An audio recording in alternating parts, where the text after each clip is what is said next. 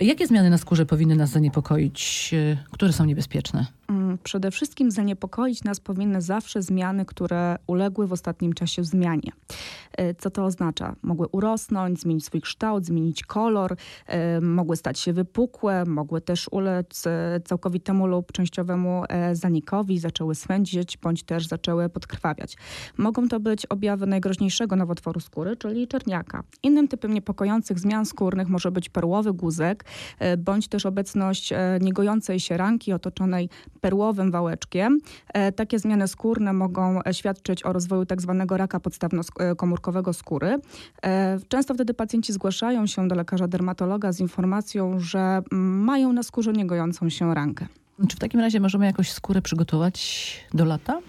E, oczywiście możemy e, przygotowywać skórę w ten sposób, aby e, opalanie e, i ekspozycja na światło słoneczne była dla nas bezpieczniejsza. Przede wszystkim warto e, na około dwa miesiące przed rozpoczęciem ekspozycji na światło słoneczne zacząć stosować e, albo preparaty z beta-karotenem, albo stosować beta-karoten w postaci produktów naturalnych, czyli na przykład bogatego w beta-karoten pomidora, marchwi czy też pomarańczy.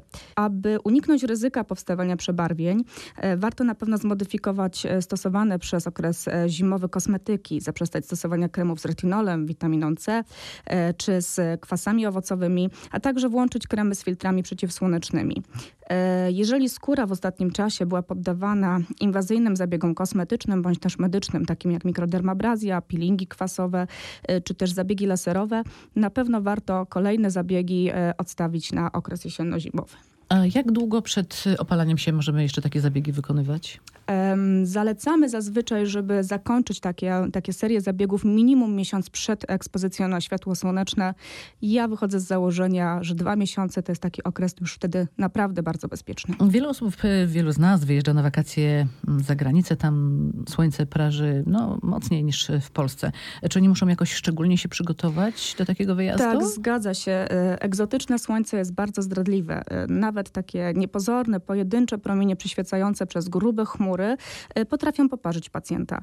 E, należy o tym pamiętać, że im bliżej równika, tym słońce mocniejsze i tym większe ryzyko powstawania e, poparzeń słonecznych. Wyjeżdżając na wakacje w kraje egzotyczne, zawsze sugeruję stosować kremy z bardzo wysokim filtrem, czyli, czyli przynajmniej 30, a najlepiej 50 plus. Bardzo ważna jest ochrona dzieci, tak? Przed poparzeniami Oczywiście. słonecznymi.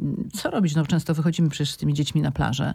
Dla najmłodszych wybieramy zawsze kremy z najwyższym filtrem, czyli 50. Plus. Proszę pamiętać zawsze o tym, żeby e, ochrona przeciwsłoneczna zawierała zarówno filtry UVA, jak i UVB. E, wiele marek dermokosmetycznych posiada również w swojej ofercie kremy, które są specjalnie zadedykowane dla najmłodszych. E, takie preparaty zapewniają najwyższą ochronę słoneczną, a jednocześnie są specjalnie dostosowane do wrażliwej skóry dziecka. Należy także pamiętać o tym, żeby stosować takie kremy z filtrem co 2-3 godziny. Także dosmarowujemy nasze dzieci. No właśnie, e, powiedzmy o tych błędach przy opalaniu. Zbyt niskie filtry, wydaje nam się, że nie wiem, piętnastka, dwudziestka, stosujemy i to będzie dobrze i posmarujemy się raz na plaży. Tak, jest to właśnie e, bardzo tutaj e, częste, że stosujemy za niskie kremy e, do opalania. Bardzo często nawet pacjenci chwalą się, że stosowali szóstkę. Przede wszystkim tak, krem z filtrem powinien być zawsze dostosowany do fototypu skóry, czyli im jaśniejsza skóra, tym wyższe kremy z filtrem. Bezpieczeństwo opalania zawsze jest najwyższe przy stosowaniu kremów z filtrem od 30 wzwyż. Kolejne błędy, które popełniamy, to jest to, że smarujemy się kremami zazwyczaj jednorazowo i później zapominamy o dosmarowywaniu się. Tymczasem taka aplikacja kremów powinna być e, powtarzana co 2-3 godziny. Kolejny błąd no to ekspozycja na światło słoneczne pomiędzy godziną 10 a 15, czyli w godzinach szczytu. Wtedy słońce świeci najwyżej i największe jest ryzyko powstawania poparzeń słonecznych. Czyli co, opalamy się po 15 albo przed 10? Najrozsądniej jest opalać się przed 10 albo po 15, zawsze w tak zwanym półcieniu, czyli pod parasolką, z kremami z filtrem, z kremami z filtrem przynajmniej 30, a także pamiętać o tym, żeby dosmarowywać się w trakcie, tak? Po kąpieli na przykład. E, właśnie, po wytarciu skóry mechanicznym, prawda, e, e, tutaj ręcznikiem, bądź też po kąpieli w, czy w basenie, czy w morzu.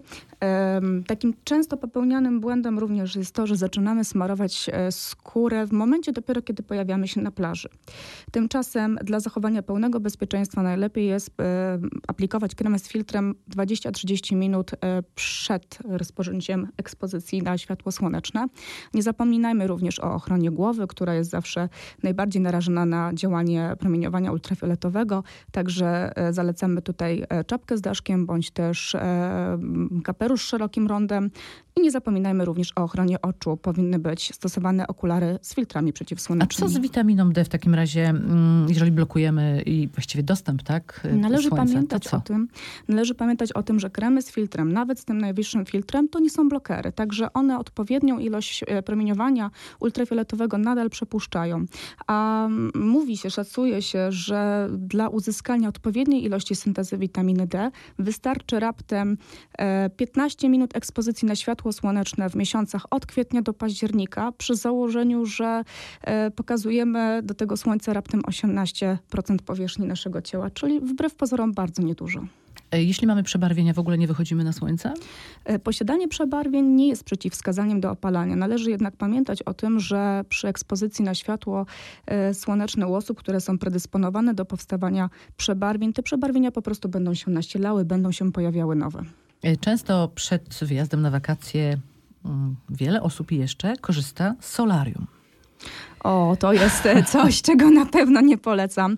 E, nie znam dermatologa, który by polecał opalanie w solarium. E, solarium jest, proszę Państwa, bardzo niebezpieczne. Ja może nadmienię, że od zeszłego roku również w Polsce, ja bardzo pochwalam właśnie tą inicjatywę, zostało zakazane opalanie w ogóle dla osób, które nie ukończyły 18 roku życia. Chciałabym też zwrócić Państwa uwagę, że w wielu krajach świata, na przykład w Australii czy w Kanadzie, opalanie się w solarium jest całkowicie zabronione. E, także solaria są niebezpieczne. Są takie badania, które mówią, że pacjent, który jednorazowo opalał się w swoim życiu na solarium, ma już e, około tysiąckrotnie większe ryzyko na to, że zachoruje na czerniaka niż osoba, która nigdy na tym solarium się nie opalała. Jak się wykrywa i leczy czerniaka? Najlepszą metodą wczesnej diagnostyki czerniaka jest badanie dermatoskopowe lub badanie wideodermatoskopowe. Są to takie badania, w których możemy obserwować nawet najmniejsze, nawet milimetrowe znamiona w odpowiednim powiększeniu, e, a także w odpowiednim oświetleniu oraz wyciągać wnioski na temat ich budowy. E, takie e, takie badanie pozwala wykryć nawet bardzo wczesne stadia czerniaka, co umożliwia całkowite wyleczenie pacjenta zaawansowane stadia czerniaka potrafimy często wykryć nawet e, gołym, nieuzbrojonym okiem. Natomiast jeżeli chodzi o leczenie tego nowotworu, zawsze jest związane ono z wycięciem zmiany skórnej. Następnie, Czy to jest już wyrok czerniak? Nie, absolutnie. Jeżeli czerniak zostanie wykryty w odpowiednio wczesnym stadium, jest możliwe całkowite wyleczenie.